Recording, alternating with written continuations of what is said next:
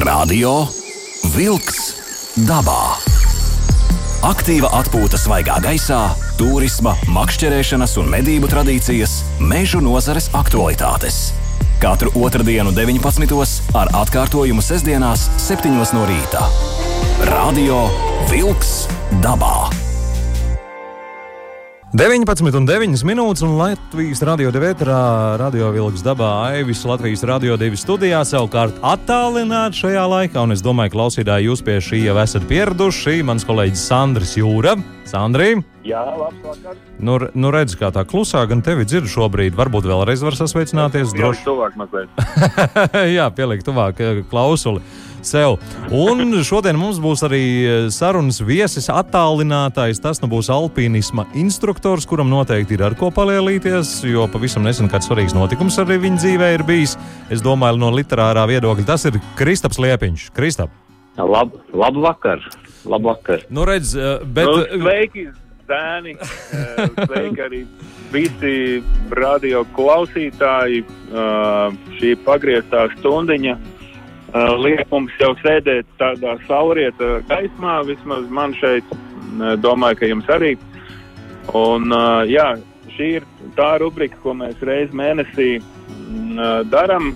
Tā tad personība. Tātad no, sa, sarunājamies ar, ar nu, teiksim, tādu cilvēku, kurš ir kaut ko sasniedzis, kurš būs saucams par personību. Un uh, Kristaps Liepiņš nu, noteikti tāds ir. Uh, Paldies, kārtīgs, jā, kārtīgs uh, dzīves, bagāts un dzīves pieredzējis cilvēks. Un, un šīs mūsu kopīgās stundas mērķis būtu mazliet, lai tu dalītos savā pieredzē, jo tev noteikti ir ko teikt. Un pieredze, manuprāt, Latvijas cilvēkam ir ļoti interesanta tajā ziņā, ka tu esi apbraukājis visu šo mūsu planētu Zeme, uh, kāpjot pa šīm mūsu galvenajām uh, planētas Zemes kalnu grēdām. Ja? Un, uh, un, uh, bet uh, es sākt uh, varbūt gribētu ar tādām visādām lietām, ar ko es parasti sāku par šām pirmajām reizēm, pirmajām atmiņām no bērnības. Tā ir pirmā nakšņošana pie dabas, tā ir pirmā teltošana pie dabas un pirmā varbūt kāda skarbā pieredze esot dabā. Tā kā, ja mēs varētu sākt, Kristap, ar, ar tevi sarunu par to, tava pirmā atmiņa uh, pie dabas, ar, nu, esot dabā. Jā, No bērnības. nu, mana, mana tā pirmā saskare ar, ar tādu mežonīgāku dabu droši vien nu, notika jau kaut kādos 11 gados, jo iepriekš, nu, tajā um, agrīnajā bērnībā mēs tur pa skultas apkārtni, pa vasarām vairāk staigājām, bet nu, tie bija tādi patiešām. Uh, meža gājieni un uz jūru gājieni, uh, puikām pašiem maziem, kā mēs tur klīdām apkārt pa tiem apkārtnes mežiem, jūras piekrastes. Es, atceros ļoti labi, ka man liekas, ka mūsdienās tā tik maziem bērniem nemaz neļauj nekur vairāk klīst apkārt. Bet Mm. skolas laikā nebija kādi mazie pārgājieni, es nezinu. Nu, un tad, tad jau, protams, uh, nu, uz skolu atnāca treneris, kurš aicināja uz speleoloģijas pulciņu, un man tajā laikā bija tikai, man liekas, 11 vai 12 gadi, un mēs ar klases biedru tur pieteicāmies, un tad arī tās visas interesantākās dabas lietas arī sākās.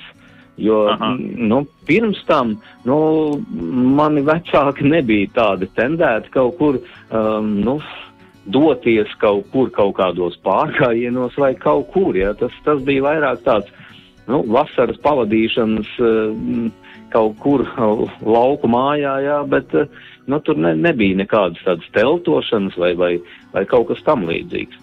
Tad no Nu, tajos var jau 11 gados gan. Jā. Jā, var jau saprast, eh, kāpēc nebija. Jo uh, slavenais uh, akti, aktieris, uh, aktieru mākslas uh, un, un ziedonis Edgars Liepiņš ir, ir tavs tēvs. Un, savukārt mamma ir uh, aktrise ļoti pazīstama. Un uh, skaidrs, ka tu biji mā, mākslinieku vidē un, un uh, teiksim, šā, šādā vidē bija ietērts. Nu, to, to es, es tā teiktu, ka nu, tā bija tā pilsētas vide, jā, vairāk, vairāk pārzināt teātru repertuāru, kas kur ir, jo tie, kā maz puikas, mēs ar to teātru aizskatu dzīvojāmies tieši tāpatās, ja? bet tā daba, daba vairāk parādījos, parādījās tajos 12, 13 gados, kad mēs, nu, aizejot uz to pulciņu, tad, nu, sākām tur ir pārgājienos iet, ja, ir kliņškāpšana nodarboties un, un visādas turismu tehnikas lietas uh, mācīties tur pa virvēm, spriegot mhm. virves un visādus upju pārceltuves taisīt un nezinu ko un, un celt teltis uz, uz ātrumu un kurināt ugunskurs, un mēs tur braucām piedalīties uz visādiem bērnu jauniešu mačiem, kas tur notika toreiz, jā, tajā skaitā mhm. arī ārpus Latvijas uz Igauniju, piemēram, vai vēl kaut kur. Un, un tā pieredze, es atceros, bija ļoti, ļoti interesanta, aizraujoša. Es, nu, es eh, ļoti priecātos, ja arī šodienā, šodienā kaut kas tāds ja, jauniešiem, bērniem gadās, ja, tad viņus noteikti vajadzētu sūtīt uz tādiem pulciņiem. Nu, šodien, man liekas, ar to jaunsardze un tālāk jau pēc tam zemesardze ir skautu pulciņi, un ja kāds ir aktīvāks uh, skolotājs, sporta skolotājs. Vismaz man bija tā bērnībā, ka bija teiksim, tā, uh, aktīvs sporta skolotājs uh, vai klases audzinātājs. Tad mēs gājām tā tādos mazos pārgājienos. Nu, protams, bez nakšņošanas, bet, bet tas, nu, šī saskars no daba un katra, katra tā apēstā maizīte svaigā gaisā, ka tu esi no, nogājies uh, tur kaut kādus kilometrus Eh, tas ir milzīgs pārdzīvojums un tā tālāk. Tad man te nav jēga prasīt, tā kā tu tik profesionāli iesāki savu, savus došanos dabā, tad par pirmo skarbo pieredzi man te nav jēgas prasīt. Nē, tomēr... ir, ir. Es domāju, ka nu, tā pirmā tāda pieredze uh, radās kaut kādos arī nu, 14, 15, 16 gados, kad uh, Uh, nu, es ļoti, ļoti tā pamatīgi trenējos kliņškāpšanā un, un skrēju un, un visu kaut ko citu darīju.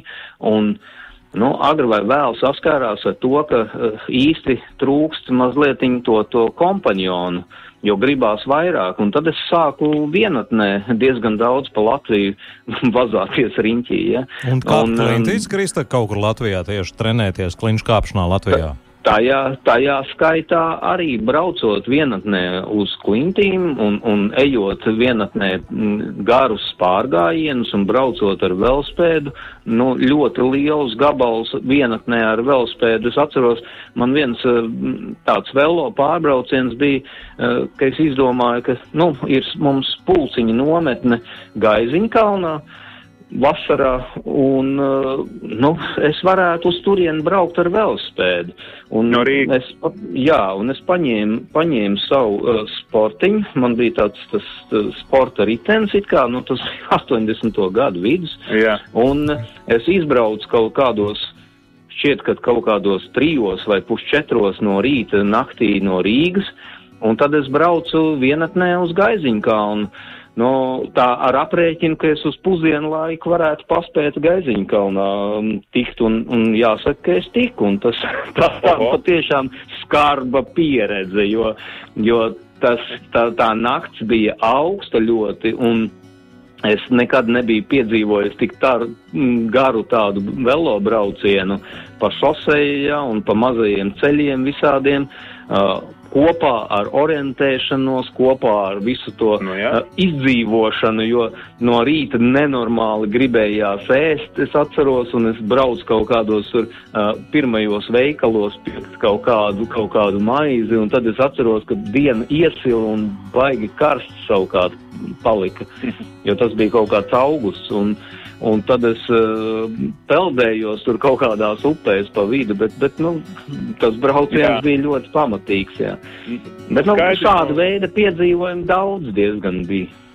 Nē, nu, protams, uh, uh, tā teikt, tagad nav brīnums, no, no kurienes visas šīs virsotnes, par kurām mēs parunāsim jau jau pēc uh, dziesmas. Pēc dziesmas, jā, jā.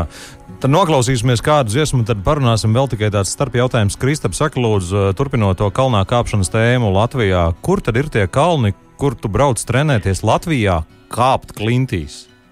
Nu, Latvijā, diemžēl, tās iespējas ir ļoti ie, ierobežotas. Un, un, Visos nu, tās... nacionālajos parkos gāja iekšā, kur ir, nē, nē, kur nē, nē. ir stāvi nu, atsegumi, ir rāpies augšā. Ir tie, Mums ir tie vecie uh, torņi, kur notiek kliņškāpšana, tajā skaitā Rīgā, Aldertornī. Nu, tas, tas, tas bija tas galvenais uh, kāpšanas uh, objekts. Ja? Jā, Bet, jā, nu, tādās, jā. protams, smilšakmens klintīs, nē, nu, to jau agri saprat, ka ne, tas, tas, tas galīgi nav. nav tas, tas nav jā, droši, jā. jā arī. Radio Vilks dabā. Aiziet dabā! Aiziet dabā Latvijas Rādio 2 šeit studijā Naivis, Sandris, Jūra attālināti un arī mūsu sarunas eh, biedrs alpīnismu instruktors eh, Kristaps Liepiņš kopā ar mums raidījumā Radio Vilks dabā. Jā, eh, Kristap, nu, dzīve, dzīve tev, teiksim, ir sākusies dabā iešanā diezgan profesionāli, es gribētu teikt, lai katram tas tā būtu. Uh, bet, uh, nu, protams, agru vai vēlu pārgalvība aug un izaicinājumi aug. Un varbūt izstāstīju vēl kādu pieredzes gadījumu, tādu skarbāku, uh, kur tev nācās arī mazliet iesvīst. Nu, viens tāds skarb, skarbs varbūt nedaudz stāsts ir par to, kā kā Latvijā dzīvojušam uh, kāpējam, kurš, kurš vēlās būt profesionāls kalnos kāpējs un vienlaicīgi mācās arī Francijā gidu skolā, nu kā Latvijā trenēties. Un tas nozīmē, ka tu vienkārši tos brīžus, kamēr tu esi Latvijā, tu meklē visas iespējas, kur varētu kāpt, uh, Nu, vasarā, protams, tā ir kliņškāpšana, un es jau minēju, nu, mums ir tie kaut kādi torņi, un, un, un kur tad mēs tur kāpjam.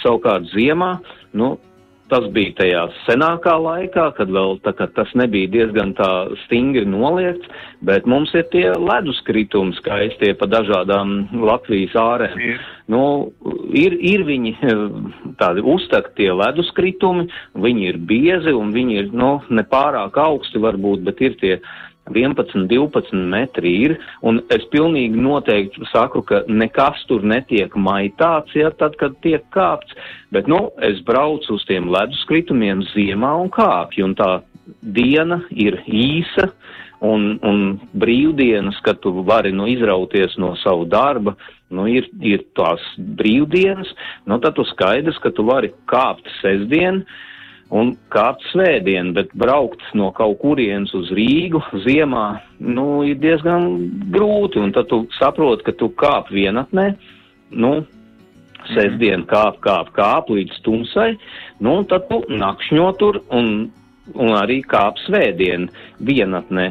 Nu, un kaut kur pa vidu ir jāpaliek pa nakti, nu, liek nebraukās jau, tu kaut kādu Jā. savu guļamaisu izvelc un kaut kādu mazo gāzes deglīti tur un iekārtojies tur patās pie tiem leduskritumiem kaut kur kaut kur tām smilšakmens kliņšu pakājiem tuvu, un, un pavadi to nakti, nu pie viena arī dabon to kalnu pieredzi nakšņojot Latvijā ziemā, nu un ka Latvijā ziemā iestājās naktī kād mīnus 15, mīnus 20, un, un atskan tie uh, au, ja, un naktī, nu, uh, nav baigi omulīgi, bet, bet tas piedarās pie lietas, tā kā, mm, arī tā var to pieredzi iegūt, ja, tā kā mm, es varu, varu pilnīgi noteikti apgalvot, ka Latvijā dzīvojot var trenēties diezgan labi priekš kalniem, ja zina, kā to darīt, jā, un, un,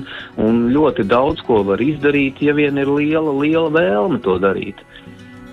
Nu jā, Lūk. jo jāsaka, ka mm, jāsaprot ir tas konteksts tomēr, ka uh, nu jau, nu jau šajā vecumā, uh, nu, man liekas, ka Latvijā tu skaities viens no pieredzējušākajiem alpīnistiem. Uh, un, un, un tā, bet es visu laiku jūtu, ka tu vai, vai tas ir vienkārši tāds tā, tā kā sportista tehniskā sagatavošana, ka tad tu lec uz vienas kājas, tad lec uz otras kājas, tad uz abām, ka tā ir tāda dažādu muskultūru grupu uztrenēšana, un tad jau pēc tam, kad tu ej kalnos, tad tas viss ir tā kā ansamblī, ka tu esi fiziski sagatavots, vai, vai tomēr es, nu, ko es dzirdējis, lasījis, ka tu tomēr tevi interesē šī te tehniskā kāpšana, kas ir tāds tomēr novirziens. Protams, alpinisms ir ļoti daudzveidīgs, ja, tajā vienā galā varbūt ir tās vienkāršās lietas, otrā galā daudz sarežģītākas lietas, un, un arī tajā vienkāršajā galā tur ir pilnīgi atšķirīgas lietas, teiksim, kliņškāpšana, un boulderings, un uh, trekings, no iešana kalnu pārgājienos. Savā tajā sarežģītajā galā savukārt ir augstkalnu ekspedīcijas un tehniskais alpīnisms. Bet, ja man jā, jāsaka pilnīgi godīgi, man patīk visas šīs lietas. Ah. Ja, un, un es, cenšos, es cenšos kāpt gan pa klintīm, gan pa ledu, vertikālām ledus sienām. Es cenšos, ja ir iespēja doties uz augstkalniem, ja ir iespēja kāpt kaut kādus tehniskus sarežģītus alpinismu maršrutus. Protams, ka mani visvairāk interesē tas tehniskais alpinisms, un man liekas arī tas ir tas, ir tas vislielākais izaicinājums uh, kalnos kāpšanā, kas ir kāpt tās ļoti sarežģītās uh, kliņšu ledus virsotnes, kur ir kur ir ļoti daudz dažādu tehnisku elementu, Un, ja tas vēl notiek lielākā augstumā, nu, teiksim, 5, 6 km augstumā, nu, tad tā jau ir ļoti nopietna klase. Ja? Un, un tad tu esi arī kaut kādā pasaules alpīnisma apritē ieeja ar to. Nu, mm. ka, tu vari, ka tu vari kāpt kaut ko jau tādā ļoti nopietnā līmenī. Un mēs esam ļoti daudz ceļojot pa pasauli, satikuši cilvēkus, un stāstījuši par to, nu, kāda ir tā mūsu pieredze, ka esam kāpuši tur un tur. Un viņi pilnīgi tā uh, brīnoties jautā, bet pagaidi, pagaidi, tu taču teici, ka tu esi no Latvijas, un, un tur taču vispār kalnu, cik mēs zinām, nav. Nu, jā, jā. Un tad tu saki, jā, bet, nu, varbūt tieši tas veido to lielo to lielo gribēšanu, to lielo vēlmi, to motivāciju doties kaut kur, ka tev tev tas nav šeit pieejams, un tev gribās doties kaut kur tālu un redzēt to visu. Jo gatavojoties šai sarunai, nu, domājot Jā. par to, es iedomājos, bet sasodīts mēs dzīvojam fantastiskā laikā, jo paudze pirms mums nevarēja izbraukt nekur. Ja? Ja. Viņi, viņiem pirmkārt nu, tur, bija, tur bija otrais pasaules karš, tur bija šīs pēckara situācija, tur bija šī dzelzceļa aizkara problēma ar, ar Padomju Savienību, un nekur nevarēja tikt. Praktiski es esmu tajā pirmajā paudzē, kurai ir fantastiskākās iespējas doties, un, un mēs viņas izmantojam. Un, un, un es esmu pateicīgs uh, liktenim vai, vai, vai nu, jebkam, uh, kas ir mums piespēlējis šo iespēju izmantot šo, šo brīnišķīgo ceļošanas laiku, uh, kad mēs esam devušies. Ja? Varbūt tu iesākumā teici, ka nu, visu pasauli nē, nu, visu pasauli vēl nē, mazliet pietrūks. Antarktīdā nav būts, ja? Un, un Austrālijā īsti nav ko darīt, ja? bet Jaunzēlandē ir būts un, un, un Grenlandē ir būts un, un abās Amerikās un, un Āzijā un Āfrikā ir kāpts un par Eiropu nemaz nerunājot. Kā, bet mēs secinām, ka tā pasaule jau ir sasodīta liela, ja, un tur vēl nu, trīs, četras mūžus varētu vēl kāpt, un, un, un tur ir tik interesanti, ja, ka, nu, gribās, gribās jau doties uz to tālumu un redzēt. Uh, tu teici, Lūk. ka tu mācījies uh, Francijā, tu teici, skolā? Jā, jā es divus gadus braukāju uz Franciju. Jā. Ah, tāds kursus tā kā gāja? Nu, tas bija uh, speciāli tāds izveidots mm, kurs ārzemniekiem, lai, lai nu, teiksim, cilvēki no visas pasaules varētu apgūt uh, alpinismu instruktoru um, šīs lietas. Un mm -hmm. tādu vienu, vienu reizi star, Startautiskā alpinisma federācija šādu kursu taisīja Alpos, Šamonī. Un, mm. nu, man bija tā apstākļu sakardības dēļ, mani uzaicināja, jo es diezgan intensīvi braukāju pirms tam uz dažādiem semināriem Lielbritānijā, tur gan Velsā, gan Skotijā, gan arī tur patās uz Franciju, braucu uz dažādiem kāpēju semināriem.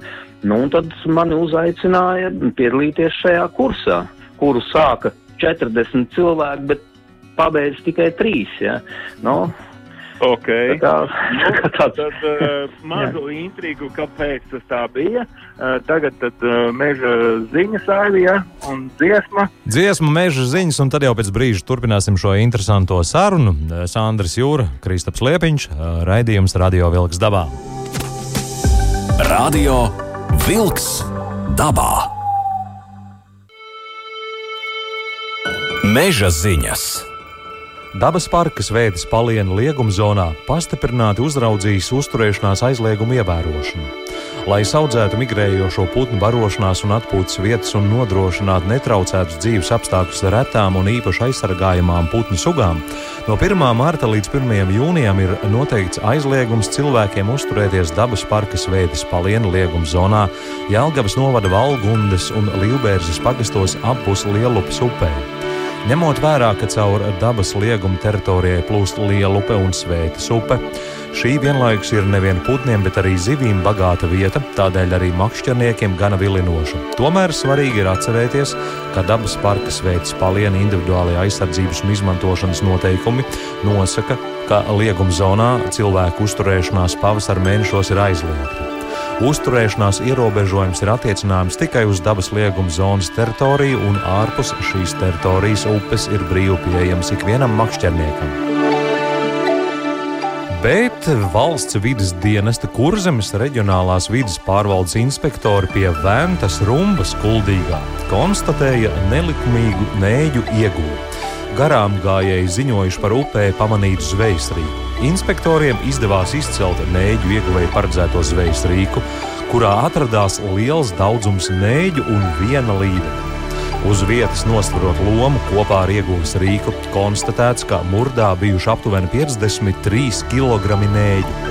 Inspektori noteica, ka murdā atradās 530 nēģi un līdeka. Nelikumīgais loms atlaists upē, bet zvejas rīks tiks iznīcināts.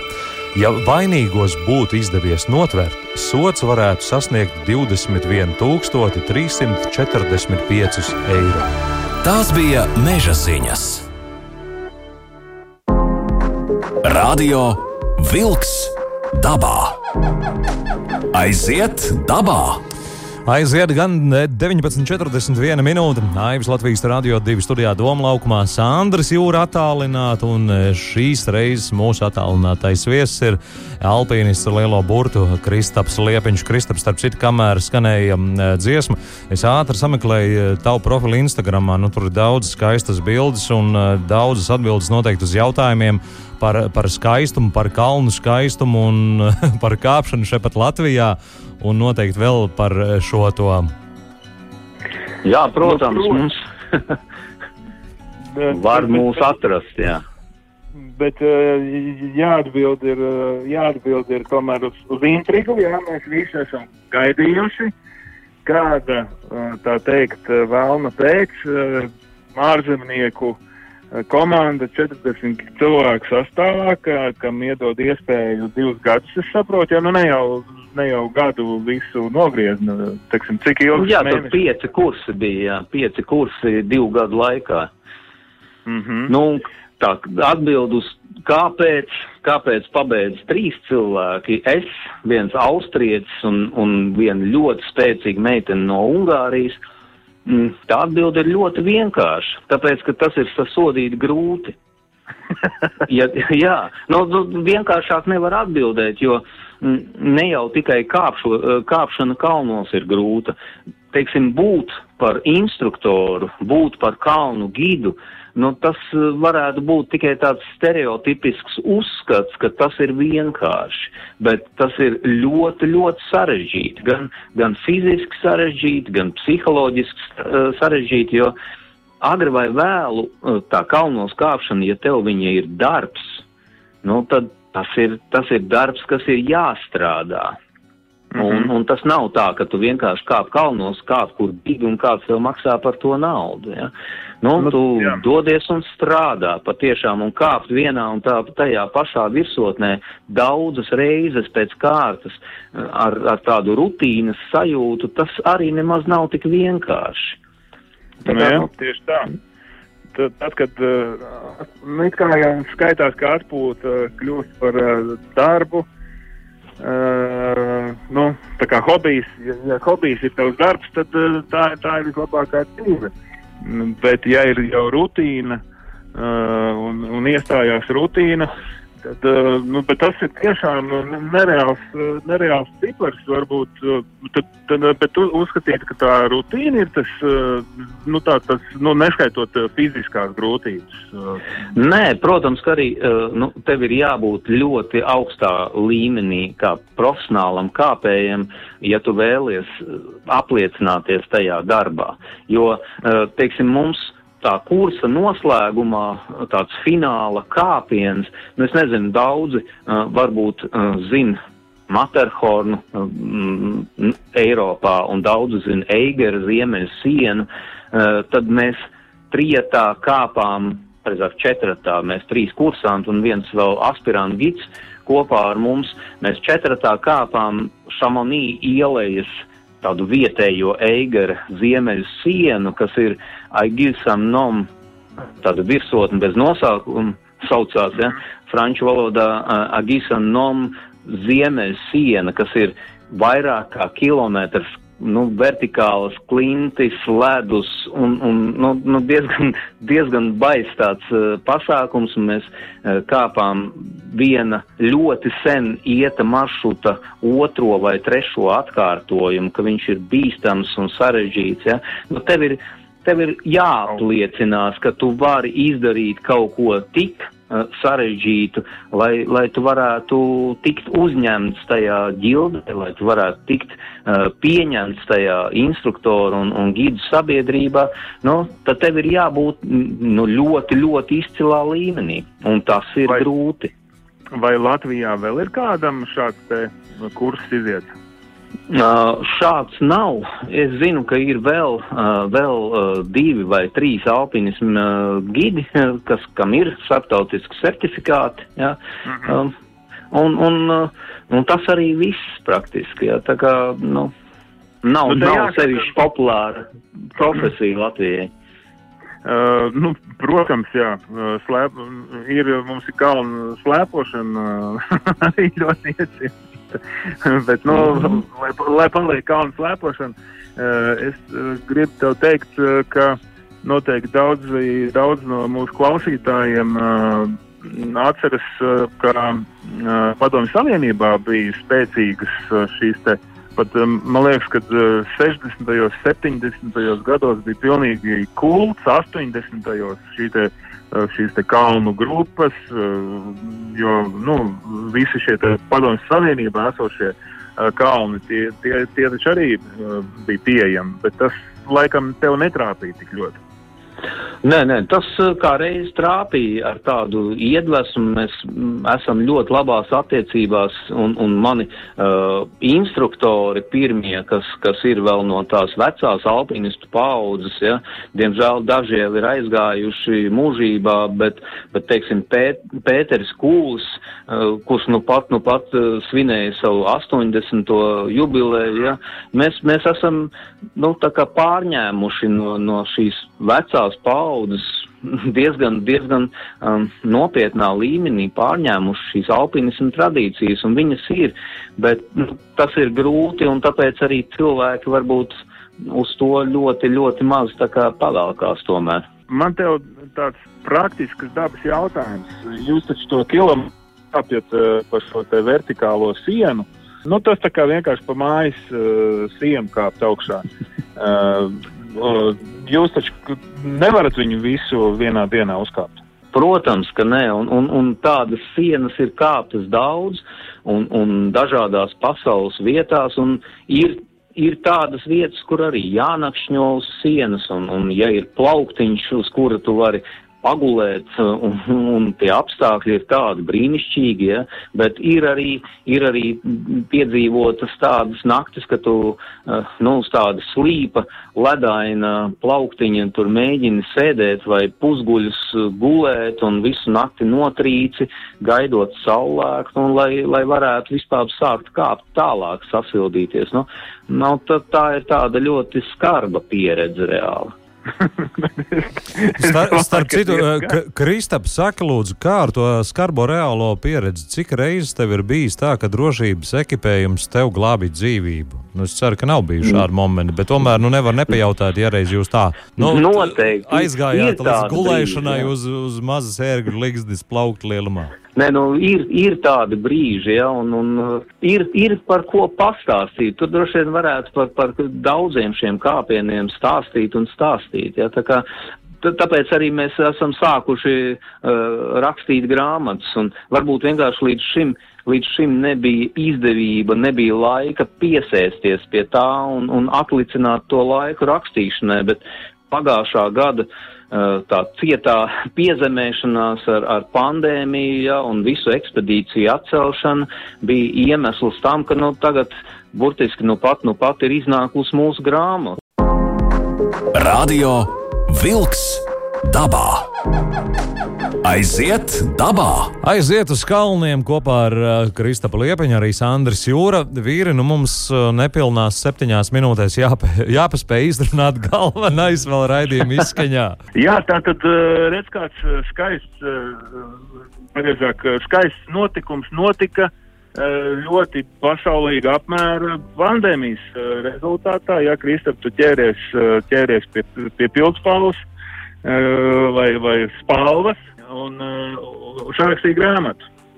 Nu, mēs uh, pilnīgi godīgi sakot, tas nav mans darbs tīri, ja? tas ir, mēs tandēmā ar manu sievu Kristīnu kopā, kopā rakstījām šo grāmatu un prak praktiski precīzi gads pagāja uzrakstīt, sagatavot izdošanai un izdot, ja? kā reiz no marta līdz martam.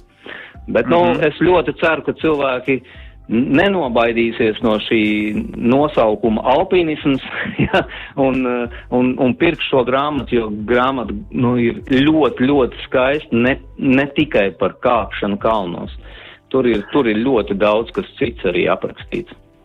Jā, jo, jo nu, jāsaka, ļoti maz cilvēku var pieskarties.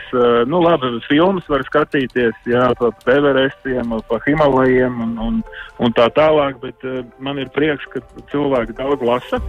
Un, man ļoti interesē tieši šie šī praktiskā daļa. Šajā kalnu iešanā, tāpēc, ka tie visi ir ekstrēmi apstākļi no paša sākuma līdz pašām beigām, tiekam ekstrēmi līdz pašam galam. Ja? Tas tā kā braukt ar, ar mociju 400 km/h un cerēt, ka viss beigsies labi.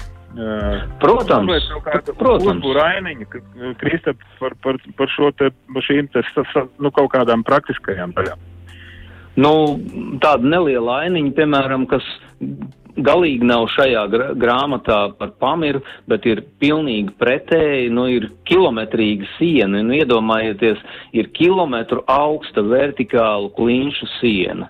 Nu, Man liekas, ka vanšu tilts ir kaut kādi 80 metri apmēram, nu tad saliekiet, saliekiet 10 vai 11 vienu virs otru to, tos pīlonus un iedomājieties tādu sienu, nu, un mēs tur dodamies kāpt, un, un tā ir ļoti sarežģīta kāpšana, tur nemaz nav daudz tādu vietu, kur tu varētu, nu, pastāvēt uz plaukta. Daudzās vietās, vienkārši tu karājies karājies tajā ekipējumā kaut kur un pats viņu tur visu laiku ķibini, jo tur jau nav nekas aprīkots. Jā. Nu, no, jā. Un, un tas, tas ir tas brīnišķīgais, brīnišķīgais piedzīvojums, ka tu pieeja pie sienas un tu netici, ka tu viņā vari uzkāpt, un tad, kad tu esi izkāpis un, un nogājis lejā no turienes pa otru pusi, ja, nu, tad tu paskaties uz sienu un joprojām domā, ka tas nav reāli vispār tur uzkāpt, kaut gan tu to nu pat, nu pat esi izdarījis, ja, divu dienu laikā.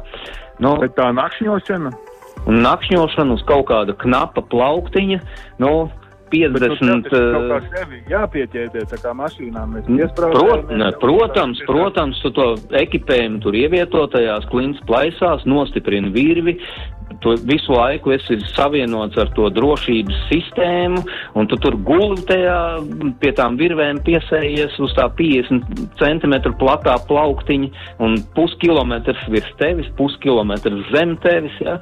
Nu, fantastisks sajūtas. Nu, man, ir, man ir abrīni jāizsaka tavai sievai, Kristīnai, un es saprotu, ka uh, jūs uh, aktīvi, nu, teiksim, pēdējos uh, sešus, piecus gadus aktīvi braukājat pa pasauli un kāpjat un nodot no Radio Vilks dabā komandas sveicienus Kristīnai, jo Noteikti nodošu. Es, es, es viņu abrīnoju. Es arī. būtu- Es negribētu būt. bet, bet stāst jau, ka sievietes ir arī ļoti, ļoti izturīgas. Uh, un, un tā ir veiksme. Un, man liekas, un tandēmā kāda tā ir cita sajūta nekā vienam. Jā. Protams, protams, brīnišķīgi, ja ir at, izdodas atrast tev kādu, ar ko tev saskan, jā, un, un tu vari, vari uzticēties viens otram un, un darīt lietas, kuras ir vis, visinteresantākās pasaulē, jūsuprāt. Ziniet, Jā, vīri, jo es kā ar, uh, ņemot vērā to, ka viena minūte tikai ir palikusi, jā, uz tais tas kopsavilkums, un es pēc šīs sarunas sapratu, ka es uh, bērnībā izlasīju uh, Juhiro Miuras grāmatu ar slēpēm no Everesta. Nu, bija Jā. apvāršņa sērijā šāda grāmata. Uh, tā bija grāmata, kurā nu es iepazinu to kalnu burvību, teiksim, tā varētu teikt, nu, kaut vai no braukšanām ar slēpju viedokļa. Un varētu būt, ka tuvākajā laikā būs kāda jauna cita grāmata, ko es ņemšu un izlasīšu. Tomēr, klausoties šajā sarunā, Ļoti, iesaku. ļoti iesaku. Būs jā. arī kāda Jā, pieredze, jā. pieredze izdzīvošanas skolai, varbūt kas var nedaudz noderēt arī Latvijā, dodoties dabā. Kaut vai kā mēs arī ar Sandru visu laiku klausītājus aicinām. Katrā ziņā, Kristap, noteikti liels paldies tev par šo pieredzi, ko tu dalījies mums ar, mums ar Sandru un arī ar Latvijas radio divu klausītājiem. Un atliek novēlēt tev tikai un veiksmu, veiksmu uz nākamo sadzirdēšanos kaut kad tuvākajā, tālākajā laikā. Radījumā Radio Vilks dabā atgādināšu, ka šodien kopā ar jums bija studijā DJs Aivis, Sandrs Jūra un, Un Kristaps Liepiņš. Liepiņš. Attālināti. Paldies! Paldies par sarunu jums! Atā. Izskan raidījums Radio Vilks dabā.